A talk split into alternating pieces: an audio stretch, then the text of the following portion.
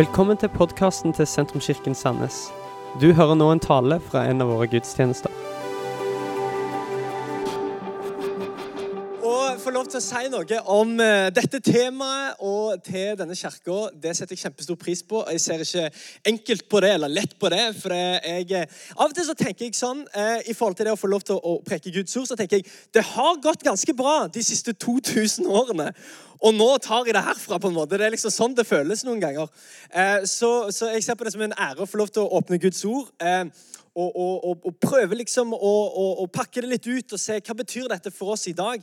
Hvis ikke du er så vant til kirka, eh, eller eh, ikke har vært her så mange ganger, i hvert fall, så, så pleier vi å snakke i serier eh, i, i sentrumskirka og, og, prøve å liksom dykke litt ned i noen ting.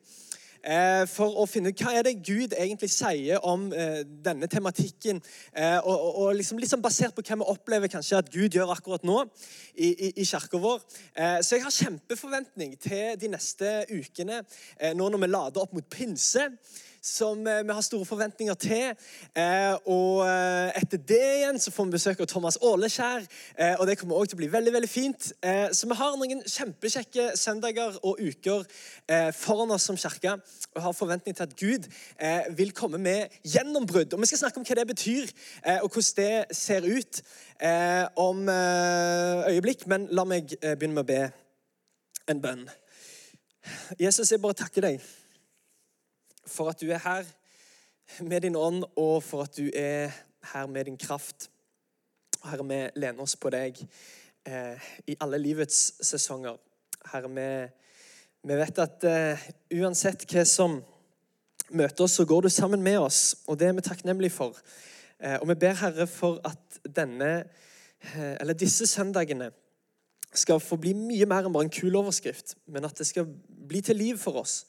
Eh, og at gjennom ditt ord at du taler til oss, eh, og at vi sammen kan få lov til å oppleve i sannhet et gjennombrudd eh, på et personlig nivå, men òg som fellesskap og som kirke. Herre, jeg vil også bare be for Farsund, for Stavanger og for alle de som tilhører Sentrumskirka. Herre, må du komme med din ånd og fylle forsamlingene våre, sånn at det er liv, og sånn at det er ekte og genuint og autentisk, det som foregår. Og Hvis du syns det var en god bønn, så kan du si amen. Amen, amen, amen. amen. 17. mai, årets beste dag. Eh, og årets kjekkeste dag. Og det beste med 17. mai, det er jo softis. Og det beste med softis, det er jo strø. Det er jo mengden strø som du får på softisen. Og jeg har eh, reflektert Hvis du har vært med på Instagram, eh, min, så har jeg da offentlig ganske reflektert rundt det med strø på is. Fordi at noen eh, kiosker eh, gir oss for lite strø! Så derfor har jeg lagd en nettside. Mer strø! Heter denne nettsiden her. Eller jeg holder på å lage den ikke helt oppe og går ennå, da. Men dette, her, dette er min kampsak eh, for tida. Hashtag mer strø hvis du vil være med på denne revolusjonen. Vi trenger mer strø. Her står det softis skal være gøy, nei, skal være godt og gøy. Og jo mer strøssel, jo bedre og gøyere blir softisopplevelsen. Vi ønsker å se en strøsselsituasjon preget av mangfold og overflod. Det er for, det er for lite mangfold. Og det er for lite overflod egentlig på strøssel. Eh, softis er jo så gøy, og jeg blir så irritert når du på en måte når du får eh, Hei, jeg vil gjerne ha en uh, softis. Ja, vær så god. Jeg vil ha strø i tillegg. Ja, det blir 900 kroner mer. Altså, sant? Det er jo helt sånn idiotisk. Og så, og så kommer de liksom med en sånn pinsett og liksom hiver på noe strø.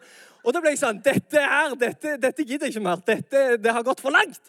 Eh, nok er nok, vil noen kanskje si. Men egentlig vil jeg si mer er nok. Altså, Hvis jeg bare kan få mer, så er det nok. Det er ikke nok fra før. Nok er ikke nok i denne sammenhengen. Mer er nok. Så, så jeg vil helst ha sånn eh, sånn du på en måte dypper hele isen ned i strøet. Sånn, da har du en god softis. Og det var noen som skrev til meg sånn Jo, men det er en sånn, eh, eh liksom sånn regel fra Mattilsynet eller et eller annet sånn bakterier og dritt. Og da tenker jeg, Det der det er ikke en god unnskyldning. Sant? Da må ingeniørene på banen for å finne ut hva, hva slags strukturell eh, omlegging trenger vi å gjøre for at alle skal få mest mulig strø. Da tenker jeg, Hva samfunn er vi på vei til å bli, tenker jeg, når ungene ikke får strø i overflod? Det reflekterer jo ikke eh, Guds nåde i det hele tatt. Så, så det er en av, eh, en av, mine kampsaker om dagen.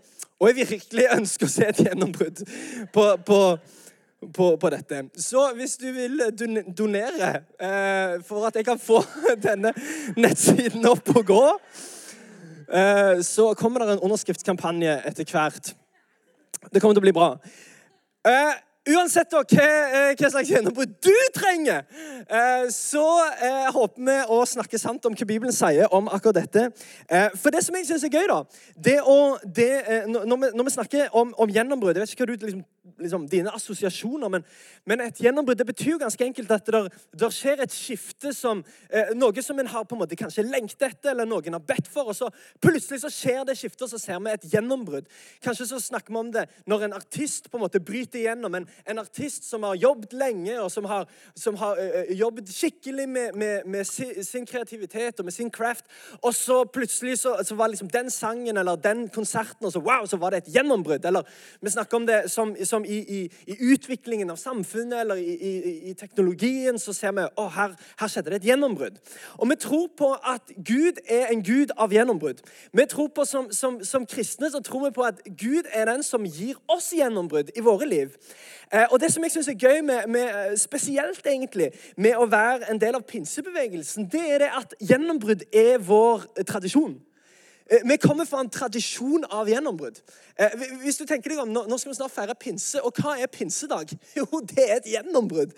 Det er et gjennombrudd der, der på en måte troen det var, kanskje, det var kanskje noe som var litt sånn intellektuelt. Eller troen var kanskje litt sånn forbundet til, no, til, no, til, til, en bok og til, regler og lover. Og, og, og, og alt er ikke galt i seg sjøl, men fy søren, det var et gjennombrudd i det Den hellige ånd kom inn i vår tilværelse og plutselig levde rundt oss. Ikke bare rundt oss, men i oss. Det skapte et gjennombrudd i historien, og det skapte et gjennombrudd i Guds folk. Og jeg synes Det er så gøy at, at det er det, det, det kirka er fundamentert på. Kirka er fundamentert på et gjennombrudd. Det er skapt oppå et gjennombrudd. Meg og deg er et resultat av et gjennombrudd. Og jeg tror at ikke bare gjennombrudd vår tradisjon, men jeg tror òg at gjennombrudd er vår skjebne. Ikke bare er, er gjennombrudd en del av vår fortid, men jeg tror òg vi kan tenke om gjennombrudd som en del av vår fremtid. Noe som vi kan forvente, noe vi kan se fram mot. At Gud vil, vil oppfylle det han har sagt. At Gud vil eh, slå igjennom på de tingene som vi ber om, og de tingene som vi tror på. Og Derfor så liker folk å si at 'the best is yet to come'. Det beste ligger foran. Og noen sier det der er, det der er bare tull. The best is yet to come.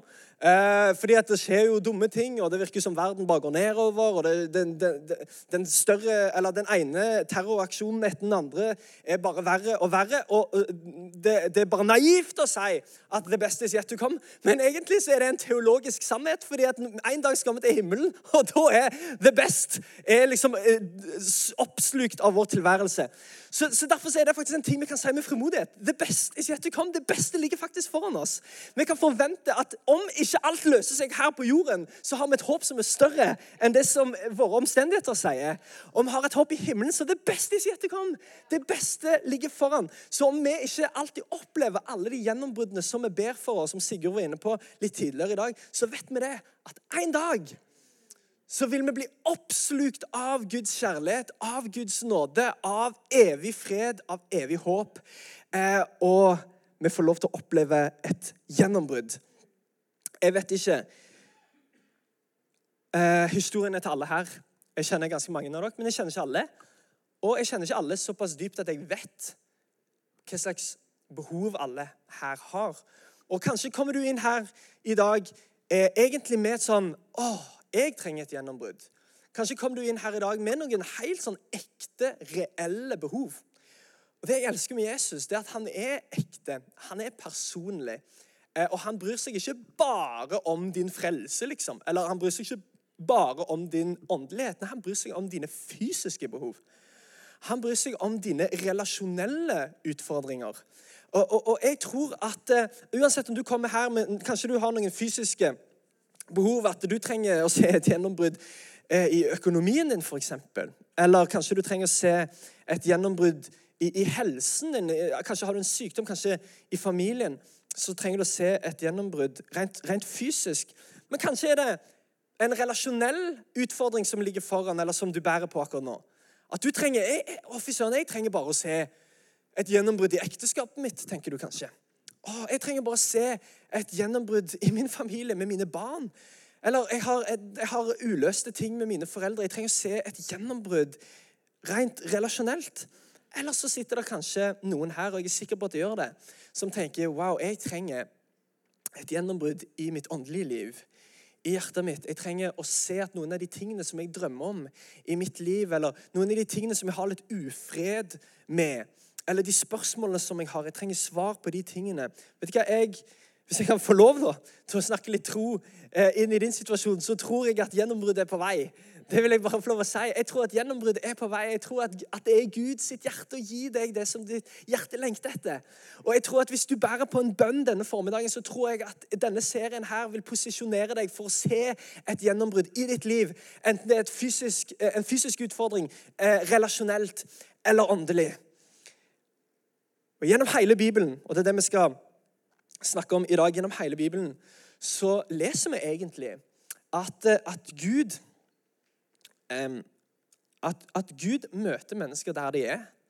Men det virker som at det er noen sånne elementer som på en sånn særlig måte posisjonerer eh, Guds folk, posisjonerer de som tror, til å se gjennombrudd. Og det som er interessant hvis en leser kirkehistorie, så, så ser en at av en eller annen grunn så jobber Gud i bølger.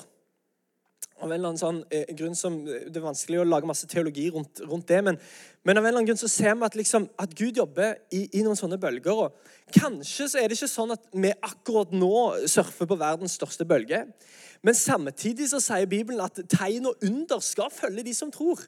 Så, så, så, så, Selv om at Gud ikke nødvendigvis jobber akkurat nå i en eller annen bølge som skyller over Sandnes, og alle liksom blir frelst, eh, og, og, det skjer mirakler og tegn rundt oss hele veien, så kan vi likevel ha forventning til at ja, men jeg er jo en troende. Jeg er jo en som tilhører Jesus, og jeg vet at faktisk er tegn og under noe som skal følge mitt liv. Og, og jeg kan forvente faktisk åndelighet, og jeg kan forvente gjennombrudd i mitt liv, selv om ikke akkurat nå at det foregår et, eh, en bølge fra Guds side. Så det Vi skal gjøre i dag, er at vi skal se i andre krønikebok, eh, kapittel 20. Eh, det kommer opp på skjermen her. Så skal vi lese en historie som, som, virkelig vi har noe å hente ut ifra. Og jeg tror at hvis du adopterer og bruker noen av disse nøklene her, så tror jeg òg at du kan forvente et gjennombrudd i ditt liv. Og Vi skal lese fra, fra kapittel 20 her om eh, kongen som heter eh, Josjafat. Han var en konge som som eh, eh, plutselig opplevde at eh, det var ikke bare én hær, ikke bare to, men tre hærer som hadde rotta seg sammen, eller tre folkeslag som hadde rotta seg sammen for å ta knekken på hans kongedømme, Juda. Og, de, og når han hører denne nyheten, så reagerer han på en spesiell måte. og det skal vi se litt på. Og så ser vi det at han, han, han går gjennom egentlig tre ting. Han, han ber, han faster og han lovpriser. Ikke bare han, men hele folket ber, faster og lovpriser. Og Det virker som at disse tre elementene på en spesiell måte eh, posisjonerte han og folket sånn at de fikk lov til å se et gjennombrudd. Og, og, og ut ifra at de egentlig ikke gjorde noen ting. De sto egentlig bare og så på, men de, de ba, de fasta, og de lovpriste Gud. Og så var det Gud som kjempet kampen deres, eh, og de fikk lov å se eh, frihet, seier og gjennombrudd. og Vi skal lese fra og med vers 3, der han akkurat har mottatt nyheten. og da Eh, står det at han ble redd. Eh, ganske naturlig. Men så står det han vendte seg til Herren for å søke råd hos ham. Så ropte han ut en faste over hele Juda.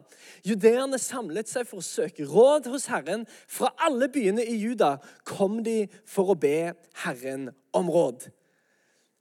Han får akkurat høre en beskjed om at nå er, er det en krig på vei.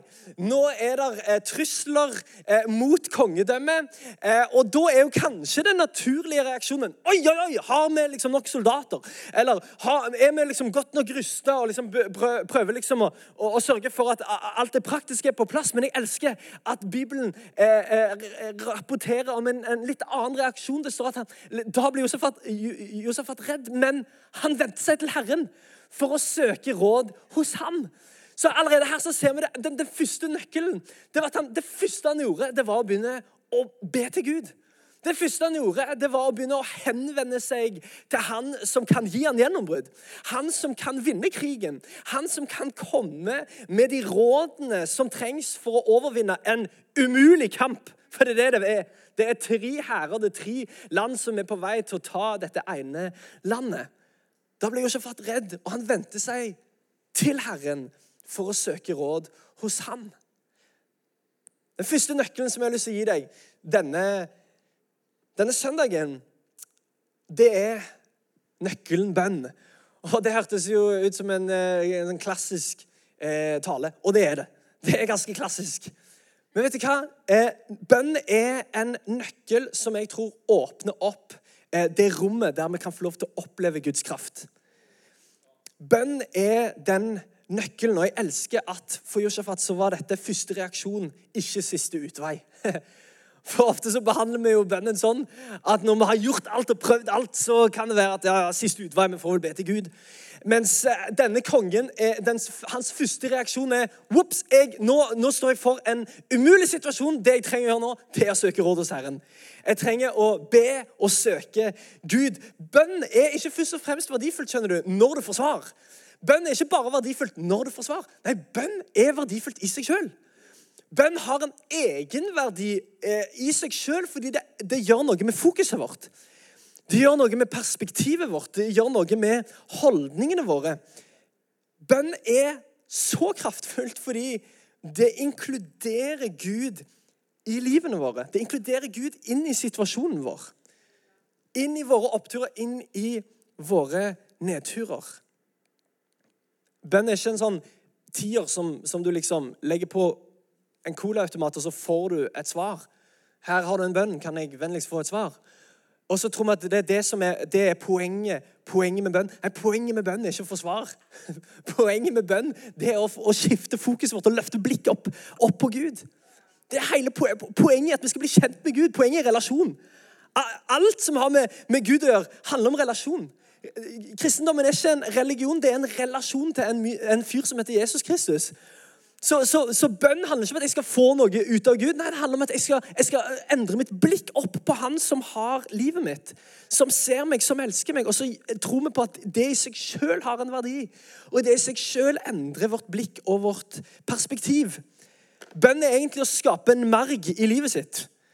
En, en merg når du skriver en prøve eller eh, en stil, og så lager du en merg til læreren, sånn at læreren kan liksom komme med en kommentar eller noen sure smilefjes nedover. Og så liksom, her, her er mergen, her, her, kan, her, kan, på en måte eh, læreren gjøre det. Og egentlig så er bønnen Bønnen har litt sånn samme funksjon. Fordi at For, for Josefat så var dette en altoppslukende situasjon.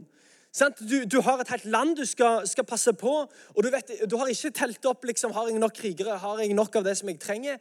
Men, men, men, selv om det var altoppslukende, så presset han inn en merg. Egentlig Det første han gjorde, var han sørget for at ok, nå lager jeg en merg i livet mitt. så jeg sørger for kan, kan, Her kan Gud komme med noen kommentarer. Her kan Gud få lov til å sette sitt avtrykk på, på, på denne situasjonen som virker til å være umulig. Jeg lager egentlig et rom for Gud til å, til å, eh, til å invadere livet mitt, egentlig. Du skjønner Gud han kommer aldri til å, til å, presse seg på deg. Gud kommer til å følge etter deg, han kommer til å jakte på deg, han kommer til å være nær til deg gjennom hele ditt liv. Men han kommer ikke til å presse seg på deg. Vi må invitere han inn. Vi må lage rom for han. Vi må åpne opp der vi sier Hei, Gud, nå trenger jeg deg. Nå, nå, nå, på en særlig måte. Nå trenger jeg at du berører livet mitt. For jeg har noe foran meg, en situasjon, en mur, eh, eh, en trussel, en krig, som jeg, jeg trenger et gjennombrudd. Og jeg stoler på at du er den som vil gi meg det. Det handler om å lage en merg i livet sitt. Fordi Du har sikkert lagt merke til det hvis du har vært på gudstjeneste her noen ganger, at vi alltid ber sammen som kirke. Vi skriver ned eh, våre bønneemner på disse lappene. Og, og, og tingene, som kirke, Vi er ikke så naive som kirke at vi tror at fordi vi tilhører Gud, så kan ingenting vondt skje oss. Eller fordi, vi, fordi vi er kristne, så vi aldri, skal vi aldri oppleve noe vondt. Det, det er å leve i fornektelse. Eh, men, men å, å, tro det handler ikke om å leve i fornektelse. Å tro handler om å leve i forventning om at Gud er den som han sier at han er. i forventning om at hvis Gud har, har lovt noe, så vil han fullføre det. Det handler om en forventning om at Gud er Gud, og han er stor, og han har makten og kraften til å berøre vår situasjon. Så derfor når vi ber, så er ikke den sånn der vi skriver den ned og så glemmer det, og så later vi som at det er aldri det er aldri et issue. Jeg har ingen krig foran meg her. Det var ikke at Josefat liksom tenkte ja, ja, men jeg tilhører Gud, så det er ikke noe viktig. Jeg trenger ikke å ruste opp. Jeg trenger ikke gjøre noen ting. Jeg skal bare late som det ikke skjer, fordi jeg er, jo, jeg er jo en Guds mann. Nei, han, han, han, gjør egentlig noe ganske motsatt. Han henvender seg til Gud og anerkjenner hva som er situasjonen. Og Noen ganger så tror jeg vi òg trenger å, å, å, gjøre det samme. For Ellers så lever vi bare i fornektelse. Men vi trenger å anerkjenne til Gud. Gud, jeg vet hva som foregår. Jeg, jeg forstår trusselen som er foran meg. Jeg skjønner hva som er problemet. Men vet du hva, Gud, jeg henvender meg til deg, for jeg vet ikke hva mer jeg skal gjøre. Og det, det, er akkurat det som Josefat òg ber. Du kan lese det sjøl, men vers 12 så står det egentlig at, at, han, eh, eh, at han, han, ber eh, til Gud foran hele folket. Jeg skal bare få det helt nøyaktig her. Det står at han ber foran folket, og så står det i vers 12 at eh, eh, vi vet ikke hva vi skal gjøre, men våre øyne er vendt mot deg. Og Jeg bare elsker det. Denne enkle anerkjennelsen av at ok, dette er så big deal at vi vet faktisk ikke hva vi skal gjøre. Og vet du hva, sånne bønner, Jeg tror Gud elsker sånne bønner. Og Det er ofte også min, min bønn når jeg kommer. fordi jeg har så lyst til å komme med en, eller jeg har lyst til å finne ut av eh, problemet sjøl eller løsningen sjøl. Men det å komme til Gud og si vet du hva, jeg vet ikke hva jeg skal gjøre. Men mine øyne er vendt mot deg. Det er det, det, er det bønn handler om. Det handler ikke om at, at, at jeg har uh, liksom svaret, eller at jeg skal på en måte uh, liksom, liksom, hente ut uh, svaret fra Gud heller. Men det handler om en sånn der, du, nå, er bare, nå, er jeg bare, helt håpløs. Men i hvert fall så er mine øyne vendt mot deg. Jeg stoler på deg, Gud. Du skjønner, bønn rekalibrerer oss. For djevelen trenger ikke å ødelegge oss for å gjøre skade. Han trenger egentlig bare å distrahere oss noen ganger. Så bønn det rekalibrerer oss sånn at vi får rett fokus igjen. Rett perspektiv igjen. Vi vet ikke hva vi skal gjøre, men våre øyne er vendt mot deg. Den første nøkkelen til deg i dag Hvis du har lyst til å se et gjennombrudd i ditt liv, så er bønn nøkkelen. Det er bønn, det er der det begynner. For Josefat så var det 'first line of defense'. Det var liksom det første han gjorde ikke den siste utveien. Jeg har troen på, på gjennombrudd for, for, ditt liv. Og jeg tror at det som kickstarter det gjennombruddet, det er at du bruker tid og at du søker råd hos Herren. Ikke nødvendigvis bruker masse ord, ikke nødvendigvis uh, har en lang stund sammen, men det, det, er at det er der du går først.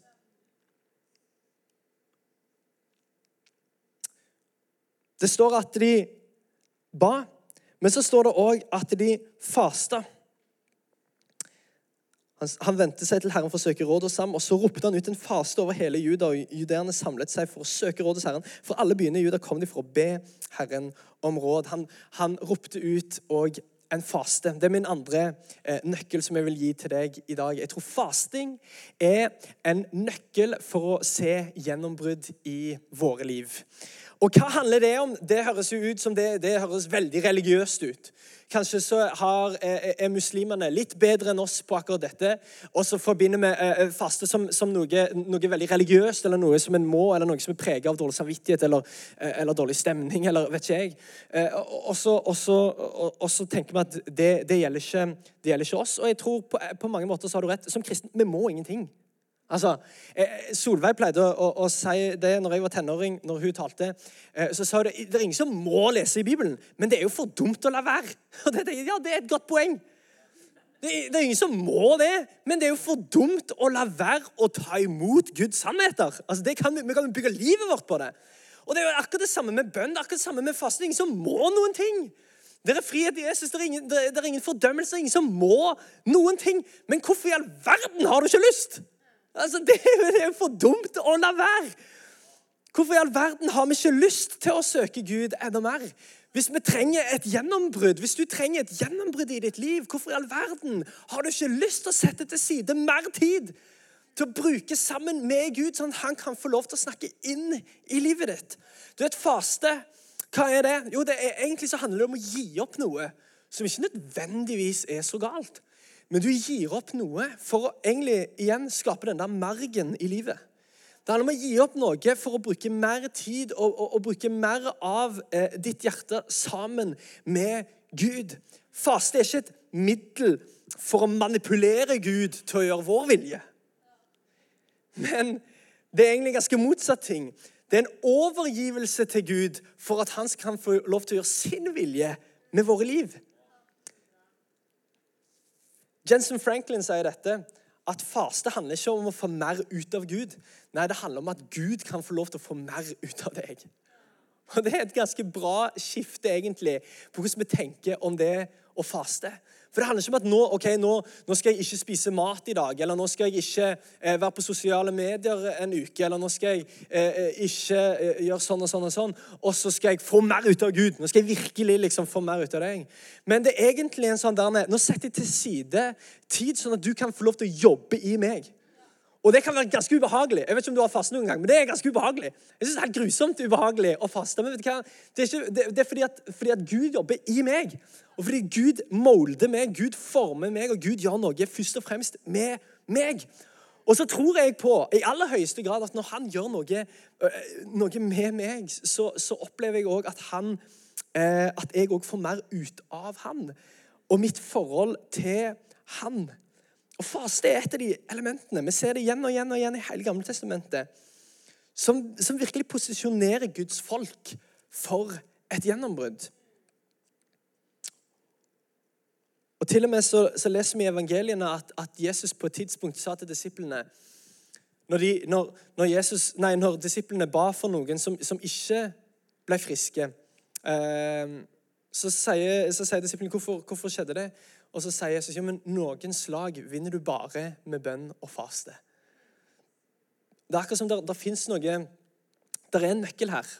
Det er, det er, rett og slett noen slag som, som ikke, vi kommer ikke utenom.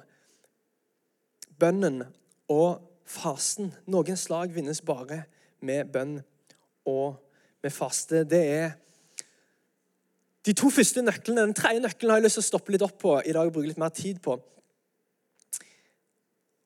Men vi skal lese eh, fra andre krønikebok. For det som skjer etter de har bedt og fasta, det er at det er en profet i, i, i, gjengen som reiser seg, og som Guds ånd kommer over ham. Og han kommer med et fantastisk budskap, egentlig.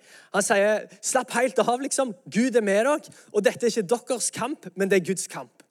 Eh, og etter dette så, eh, så, leser vi fra og med vers 18 at eh, det står at da bøyde Josjafat seg med ansiktet mot jorden, og hele Juda og alle som bodde i Jerusalem, falt ned for Herren og tilba ham. De levittene som hørte til Keat og Koras sønner, reiste seg for å lovsynge Herren, Israels Gud, med høy og kraftig stemme. Vers 20. Tidligere, nei, tidlig neste morgen brøt de opp og dro ut til, eh, til Koørkenen. Med det samme de dro ut, trådte Josjafat fram og sa, 'Hør på meg, judere og dere som bor i Jerusalem. Vær tro mot Herren deres Gud, så skal dere stå støtt. Vær tro mot profetene hans, så skal dere ha lykken med dere.' Etter å ha rådført seg med folket valgte han ut sangere. Hør på dette, dette er spesielt. Han valgte seg ut sangere som skulle lovprise Herren i hellig prakt. De dro ut i spissen for krigerne mens de sang. Pris Herren, evig varer hans miskunn. Så snart de stemte i med jubelrop og lovsang, lot Herren ammonittene og moabittene og folket fra Sirfjellene, de som rykket fram mot judeerne, falle i bakhold. Slik ble de slått. Så i Josjafat eh, sitt liv her og i hans fortelling eh, Når de møter en trussel og de møter en, en krig så, så, så, Det første de gjør, det er at de henvender seg til Gud, de ber til Gud, eh, de, de faster. og Dette var de to viktigste nøklene egentlig for å se dette gjennombruddet. Men så, så gjør de en alvorlig ting til. Og det er nemlig det at de begynner å lovsynge Gud. Legg merke til De har ikke vunnet noen kamp. Altså, de har, de, det, er ikke, det er ikke lovsang som en respons på det som Gud har gjort, for Gud har ikke gjort noen ting. Så, så, her er det ikke en lovsang som er en sånn Å, oh, wow, Gud, du er så god mot meg. Her er min tilbedelse. For, og, og, den tilbedelsen den er ekte, den òg. Og, og, den tilbedelsen jeg tror jeg kaller for yada-tilbedelse eh, på, på, hebraisk. Det er, denne tilbedelsen, det er en sånn respons. Gud, du er god. Wow, her er min pris og takknemlighet til deg. Og, og den til, tilbedelsen er, er, bra. Men så er det en annen tilbedelse som heter Toda-tilbedelse. Og den tilbedelsen det er en tilbedelse som du gir når du ikke føler for det. Når ingenting har skjedd. Egentlig når, når, det motsatte har skjedd. Litt sånn som Sigurd snakket om. Jo, når, når, når en opplever at det som en drømte om, og det som en hadde forventning for, det skjedde faktisk ikke. Og det motsatte skjedde. En fikk kanskje bare mer problemer eller flere sykdommer eller måtte, møtte mer død eller mer fordervelse. Da snakker Bibelen om en ganske kraftfull type tilbedelse. Som er en sånn Hei, uavhengig av hva som skjer her, og uansett hva jeg møter her, så har jeg likevel lyst til å gi min pris til deg, Jesus. Jeg har likevel lyst til å løfte mine hender til himmelen. fordi at jeg, ikke, jeg, jeg tilber ikke bare de gode følelsene, men jeg tilber deg, Gud. Du vet, Hvis vi bare tilber når vi, når vi har de gode følelsene, hva er det vi egentlig tilber? Jo, de gode følelsene. Men hvis vi tilber Gud i alle sesonger av livet, så er det han som er vår herre, det er han som er vår sjef, og det er han som får vår tilbedelse. Og de begynner faktisk å tilbe Gud før han har gjort noe. De tilber Gud hva da med? Forventning med tro om at nå kommer det et gjennombrudd. Det virker for meg til å være et, et, et, ganske viktig nøkkel. Hvis du har lyst til å se et gjennombrudd i ditt liv, ikke stopp, ikke vent med å tilbe Gud når han har gitt deg det du trenger. For kanskje vil du aldri se det du trenger da. Kanskje vil du aldri få det svaret. Men hvis du våger å tilbe Gud når du ikke har fått svar, i forventning om at han vil møte deg der du er du, Det er sårbart. Men hvis du våger å være så sårbar Gud, vet du hva? Jeg vet ikke hva jeg skal gjøre. Jeg, jeg, jeg, har ikke fått alle svarene, men vet du hva? jeg stoler på deg med mitt liv, og jeg løfter mine hender og jeg tilber deg, du som er Gud. Det står faktisk egentlig det ordet som, som, blir brukt i denne sammenhengen, i vers 19, når det står at eh, de begynte å lovsynge Herren Israels Gud med en høy og en kraftig stemme. Så, så er det faktisk et annet ord, eh, hebraisk ord, som, som, som eh, er shabak. Shabak betyr egentlig et rop av tilbedelse. For, for noen tenker ja, men er det så viktig? Trenger vi å tilbe, eh, trenger vi å tilbe Gud med en høy og kraftig stemme? Ja! Det trenger vi faktisk noen ganger å gjøre. Det er faktisk, faktisk en, helt, det er faktisk en bibelsk ting. Det er faktisk en helt egen type form for pris. Shabak, et rop av tilbedelse. Altså, Denne gjengen her, de var på vei ut i krigen, og det var ikke sånn Ja, du er god og grei. Nei, det var sånn Wow! Gud, du er så god! Og så liksom gikk de ut i krigen med en høy og en kraftig stemme. De tilba Gud med volum, med energi, med kroppen og med en høy og en kraftig stemme. Shabak-pris. Et rop av tilbedelse. Et rop generelt sett forener jo mennesker. Tenk på det du, hvis, du, hvis, du, ser for deg en krig, eller ser for deg en krigsfilm. Liksom 300, hvis, hvis du har sett den. Sånn, This is Sparta! Og alle bare Wah! Og hvorfor gjør de det? Det har jeg alltid tenkt på. Det er en sånn random ting. Alle bare Wah! Men det er, sånn, det er en sånn enhetsgreie. Ja, nå står vi sammen! Nå er krigen der! Wah! Men hvis det var én fyr da, som sto liksom med hendene i lommen Liksom, hvis du så den filmen, så så du en med hendene i lommen sånn. Og alle bare wow! Han bare så, så, det, så, kan du, så, kan du, liksom Ja, hva, skjer med deg? Er ikke du med? Jo, jo, jeg er med. Jeg er med i hjertet og sånn. Med, jeg. Altså, skjønner du jeg mener? Det, det, altså, her er det snakk om en, et rop av tilbedelse som forener mennesker. Og du vet, Jeg vet ikke om du liksom syns at det liksom, å nei, men det var ikke så, uff, jeg er ikke så voldsom på det der greiene der, og jeg er egentlig litt stille og litt sånn innadvendt. Og, og, alt sånt, og Det er helt fint og det er helt greit. Og, og, og, Bibelen snakker egentlig om ganske mange typer former for tilbedelse. og Det er andre ord som beskriver en tilbedelse der en ikke bruker ord. Og det er tid for det, og det, det skal det òg være tid for i kirka, at vi kan få lov til å tilby Gud uten å bruke ord. Kanskje vi var helt stille. Kanskje med å bøye våre knær. Men vet du hva, det står òg om en, en, type pris i Bibelen der vi bruker en høy og en kraftig stemme. Og Det er akkurat som det er et poeng for oss å vite dette før vi skal gå inn i en krig, og før vi skal gå inn i og forvente en, et gjennombrudd. Fordi at du er kanskje, det er helt greit, du er kanskje med i hjertet, men du har samtidig definert deg utenfor enheten.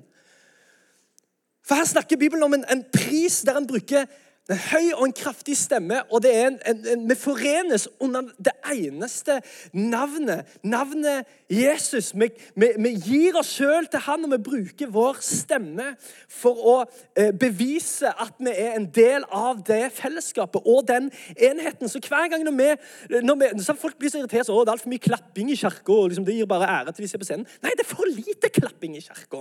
Vi skulle hatt mye mer klapping i kirka. Vi skulle hatt mye mer lyd i kirka. Fordi det skaper enhet blant Guds folk. Som sier at dette, dette gjør, Jeg gjør ikke dette hver eneste dag jeg tilber, men jeg gjør det hver søndag. For jeg er sammen med Guds folk, og jeg løfter min stemme med en høy og en kraftig stemme. Og jeg elsker å stå ved siden av folk som synger med en høy og en kraftig stemme.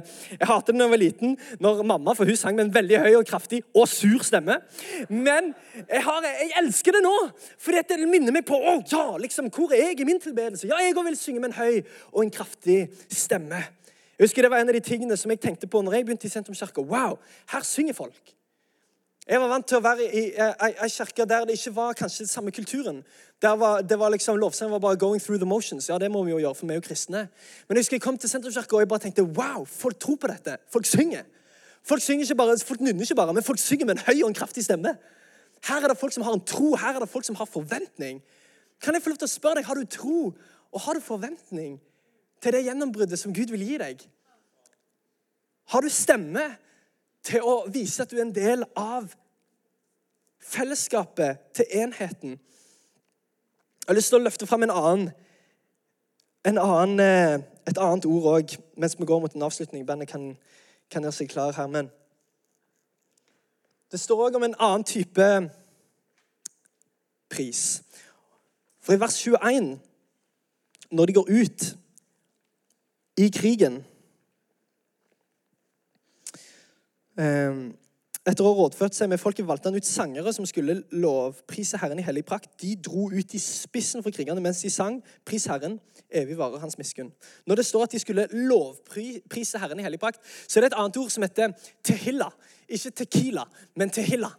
Og eh, tehilla det betyr egentlig Den beste måten å oversette det på, det er egentlig skamløs lovprisning. Det er ganske vilt. Skamløs lovprisning, liksom. Eh, altså, nå, nå, Når jeg snakker om alt dette her, er dette veldig norsk? Nei, men det er veldig bibelsk. Og jeg tror at, at eh, når det kommer til dette med skamløs eh, lovsang, og, og, sånn, så kan vi bli litt sånn opptatt av ja, men dette er jo bare en hype. og eh, eh liksom Hvorfor skal vi bruke så mye energi, og vi er jo nordmenn og, og, og alt sånn? Men vet du hva, jeg, jeg tror at uh, eller det, det, første jeg tenker, er at vi kan ikke hype opp Gud. Det er det første jeg tenker. Uansett hvor mye du prøver, så kommer du ikke komme til nærheten av å beskrive han mer fantastisk enn det han er. Så det er ingenting du kan gjøre for å hype opp Gud. Altså, han er mer, Uansett hvor mye uansett hva slags atmosfære vi liksom hadde klart å skape her inne, uansett hvor mye energi, hvor mye leven, hvor mye lyd, hvor mye, eh, hvor, hvor mye tilbedelse vi hadde fulgt dette rommet med, så hadde Gud vært, vært, vært enda mer. Altså, Vi kommer aldri til å komme til skade for å ha sagt at han er større enn han er. Så, det, så, så det, det, er det første jeg tenker. Det andre jeg tenker er at jeg tror vi har så godt av òg noen ganger til å Til å eh, slappe av i det at vi er oss sjøl. Og, og, og, grunnen til at jeg sier det i, i denne sammenheng, fordi at dette ordet til Hilla det betyr egentlig eh, Det er egentlig en lovprisning som er sånn Jeg bryr meg ikke hvordan dette ser ut for alle andre men jeg gir denne lovsangen til deg likevel. Til hele pris er en sånn eh, eh, Jeg har ingen plan med denne lovsangen, men her kommer han, liksom. Til hele pris er sånn Jeg, jeg har eh, ikke særlig fin stemme, men jeg gauler høyt likevel. Det er på en måte til hele eh, prisen. Det er en sånn pris der du, der du, bruker kroppen, der du synger, der du danser, der du klapper. Det er helhjerta tilbedelse. Det er en tilbedelse som sier 'Jeg bryr meg ikke om å imponere mennesker. Alt jeg bryr meg om, det er å tilbe Gud. Det er den prisen som David eh, gjorde når han danste naken rundt. I, det er en bra historie som du kan få lov til å google deg fram til.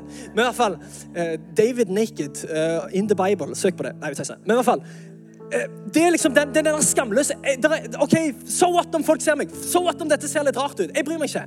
Fordi at jeg har bare lyst til å gi min pris og min ære og min tilbedelse til Gud. Jeg bryr meg ikke om dette ser litt merkelig ut. Jeg bryr meg ikke om at noen tenker å, det var rart at du løfter hendene. Jeg bryr meg ikke om det.